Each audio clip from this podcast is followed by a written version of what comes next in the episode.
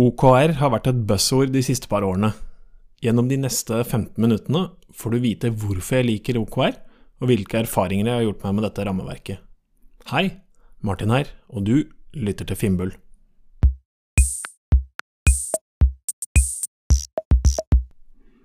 Med mindre du er en svært liten bedrift, så har bedriften din forhåpentligvis en strategi.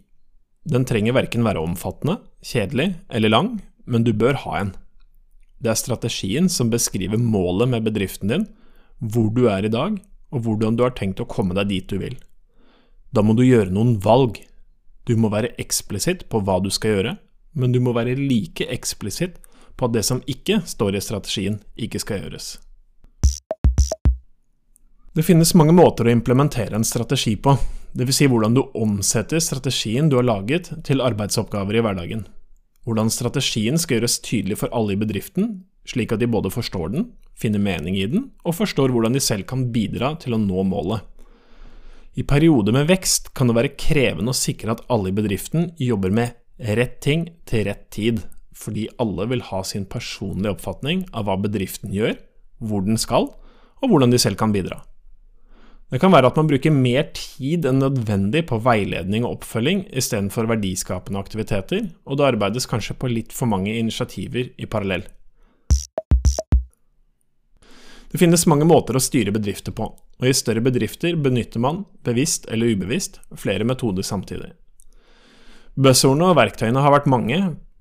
Prosjektstyring, målstyring, balanced scorecard, SWAT, KPI, og nå også OKR.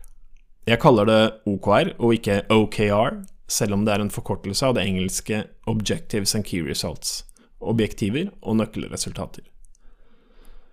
Enkelt forklart er OKR et lettbent og enkelt verktøy som hjelper deg med å omsette strategien til arbeidsoppgaver i bedriften.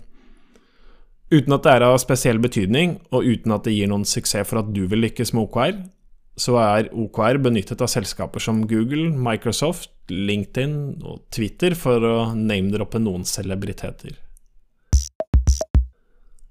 Det er flere ting jeg liker med OKR. Det første er enkelheten i bruk. Det krever ikke at du leser en lang lærebok på kjedelig engelsk for å forstå det, eller at du bruker et omfattende malverk med modeller og metoder som er krevende å beherske. Alt du trenger, er et regneark. Det andre jeg liker, er at det faktisk fungerer gjennom å hjelpe deg med å prioritere vekk mindre viktige oppgaver, slik at du kan konsentrere deg om det som gir mest verdi. Og Det tredje jeg liker, er at alle i bedriften blir involvert og får eierskap til sine egne arbeidsoppgaver, og kan sette disse inn i en større kontekst. Hvorfor gjør jeg dette? Hva løser mitt arbeid i en stor bedrift? Hvordan bidrar det jeg gjør, til å løse kundenes problemer?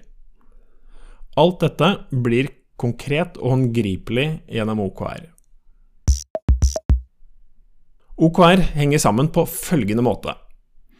Du trenger som nevnt en strategi, for det er altså her man beskriver mål, og hvordan man tenker seg å nå målet.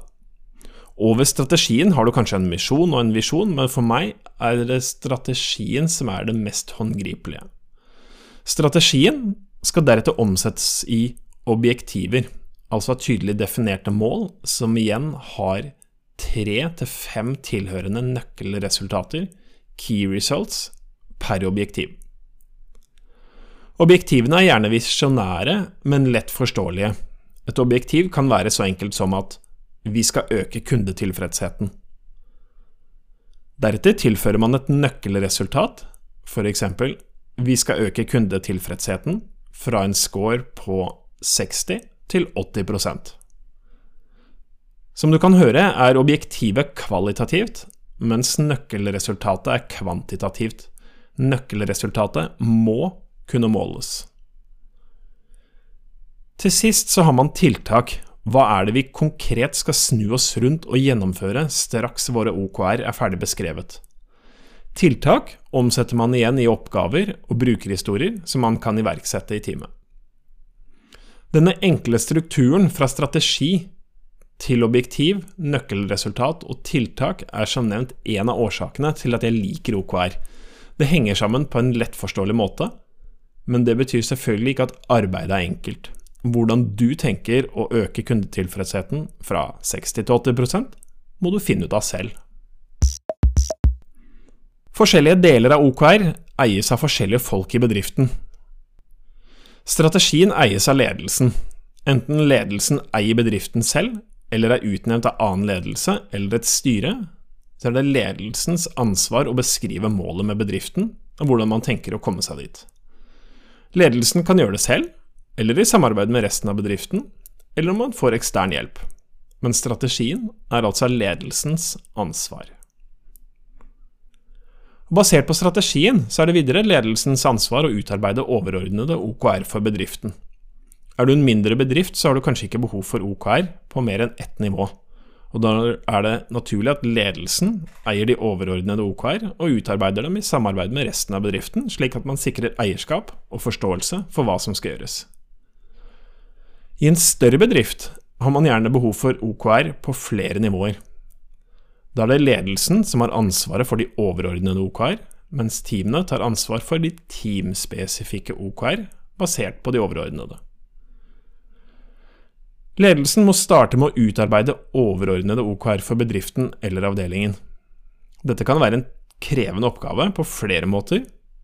Å plukke essensen ut av strategien og ekstrahere et riktig antall objektiver krever tid og forståelse for hva som er viktig for bedriften.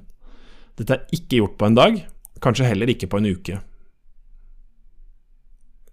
De overordnede OKR som er utarbeidet av ledelsen, utarbeides normalt på årsbasis, men revideres f.eks. månedlig eller kvartalsvis, slik at man har en tydelig retning gjennom året. Man ønsker så stø kurs som mulig, samtidig som man erkjenner at man lever i en verden med stadig kortere forutsigbarhet for hva som morgendagen bringer. Nye konkurrenter, nye tjenester, ny teknologi kan gjøre det nødvendig å justere dine OKR på kort varsel. Det enkelte team utarbeider deretter relevante OKR for sitt team, forankret i de overordnede OKR. Hvilke objektiver er relevante for mitt team? Hvordan skal jeg formulere mine egne objektiver og tilhørende nøkkelresultater? Også dette kan være en tidkrevende prosess, hvor man ofte går flere runder med ledelsen eller jobber sammen med dem i prosessen for å sikre at teamets OKR henger sammen med dem over. Teamets OKR utarbeides gjerne kvartalsvis, og det utarbeides også tilhørende tiltak. Tiltakene følger man gjerne med på kontinuerlig, og utarbeider oppgaver og brukerhistorier basert på tiltakene. Så sitter du kanskje med tusenkronersspørsmålet. Hvordan lager jeg dem egentlig? Hvordan lager jeg OKR? Finnes det noe verktøy? Noe malverk? Noe som hjelper meg med å dokumentere arbeidet? Og her har vi kommet til en annen grunn at jeg liker OKR. Som nevnt krever ikke OKR avanserte verktøy eller maler. Alt du trenger, er et regneark. I én kolonne skriver du et nummer, f.eks. O1 for objektiv 1. I neste kolonne skriver du ut teksten i objektivet. Hvis vi tar eksempelet fra tidligere, så skriver du her ut 'vi skal øke kundetilfredsheten'. I neste rad lager du første tilhørende nøkkelresultat. Du starter med et nummer igjen, f.eks. KR 1.1 for første nøkkelresultat tilhørende objektiv 1. Så setter du en frist i påfølgende kolonne for når du tenker du skal være ferdig med målet, og kanskje også et notatfelt. Til slutt har du en kolonne hvor du tallfester målet med nøkkelresultatet. Hvis vi bruker samme eksempel fra tidligere, ved at du skal øke kundetilfredsheten fra 60 til 80% så skriver du 80% Og Som observant lytter så forstår du nå at tilhørende tiltak er oppgaver du skal gjennomføre for å måle og øke kundetilfredsheten. Kanskje du ikke har et slikt verktøy i det hele tatt? Det er første tiltak å skaffe verktøy for å måle kundetilfredshet, og det andre å etablere et utgangspunkt, eller en baseline, å måle ut ifra. Slik fører du tre til fem nøkkelresultater til hvert objektiv. Det viktige er at det ikke blir for mange objektiver, og definitivt ikke for mange nøkkelresultater. Hvis du kommer ut av denne prosessen med åtte objektiver og 15 nøkkelresultater til hvert objektiv, så har du ikke prioritert.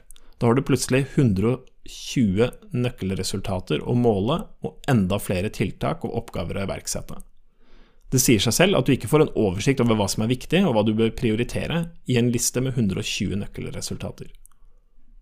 En fin tommelfingerregel er tre ganger tre. Tre objektiver og tre nøkkelresultater per objektiv. Du kan selvsagt avvike fra dette, men ni nøkkelresultater og tilhørende tiltak bør være nok arbeid for å holde det gående de neste tre månedene, altså kvartalet som OKR gjelder for. Hvordan teamet velger sine tiltak, og hvordan de prioriterer mellom dem, er et av teamets privilegier. Det er noe de selv bør eie for å nettopp føle eierskap til oppgavene, da det både er dem som sitter nærmest på innsikten, kunnskapen og det daglige arbeidet. En vesentlig del av OKR handler om synliggjøring.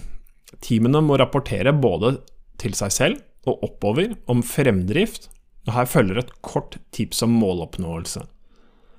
Alle nøkkelresultater skal ikke alltid oppnås. Tvert imot, de færreste skal oppnås. Har man for lettoppnåelige nøkkelresultater, så har man ikke satt seg ambisiøse nok mål. Amerikanerne opererer gjerne med en 60% måloppnåelse, mens her i Norge, hvor vi er litt mer bedagelige i bedriftssammenheng, ofte snakker om 80% måloppnåelse. Det er også greit at man ikke når et nøkkelresultat. Det høres enkelt ut, og alt er enkelt på avstand. Virkeligheten derimot er selvfølgelig alltid mer grisete enn hva jeg forteller. Akkurat som meg vil heller ikke du få OKR til å sitte perfekt på første forsøk. Det første du vil erfare, er at bedriften og teamene allerede har pågående oppgaver. De har en misjon, de har en visjon, og de har en retning. De er allerede på vei et sted. Skal man bare kaste alt man har i hendene, lage nye OKR og glemme det vi har holdt på med? Neppe. Det blir en mentalt vanskelig omstilling, og det er neppe særlig smart. Du vil gjerne bli møtt med spørsmål som ja, men vi har jo allerede disse tolv tiltakene prioritert. Skal vi lage OKR som passer til de eksisterende tiltakene, eller skal vi lage nye OKR? I en overgangsfase, kanskje to kvartaler, så kan det være klokt å lage OKR basert på eksisterende tiltak. Kan gjerne kalle det tørrtrening. Da får man erfaring både med OKR som verktøy, samtidig som man setter eksisterende arbeid i en ny kontekst. Og det kan for mange virke oppklarende. I parallell med dette innfører man overordnede OKR, og på passende tidspunkt, som nevnt kanskje to kvartaler, så skal alle nye OKR i teamene være basert på de overordnede OKR. Det er også lett å tro at OKR er et verktøy man kan ta i bruk som et team for å prioritere arbeidet i teamet. Og selv om dette selvfølgelig er mulig, så er det ikke optimalt man risikerer at teamets retning ikke henger sammen med bedriftens, og at forskjellige team ikke arbeider mot samme overordnede mål. OKR er som nevnt ledelsens ansvar, og det starter på toppen, eller så høyt som det er naturlig å forankre OKR i en strategi. Ledelsen må brette opp ermene, gjøre jobben først, så kan teamene gjøre sitt. Det høres ut som en ovenfra og ned-tilnærming, men i denne sammenheng er det naturlig og positivt. En siste erfaring du bør ta med deg, er at det er viktigere å få ønsket verdi ut av OKR som verktøy, enn at du bruker verktøyet riktig. Det hjelper ikke at du bruker OKR etter læreboken hvis ikke det gir deg den verdien du trenger fra et slikt verktøy. Søk heller å forfølge de enkle prinsippene jeg har snakket om her i Finnbull, og bli ikke frustrert over at du ikke får det til i første iterasjon. Tusen takk for at du lytter til Finnbull. Vi høres.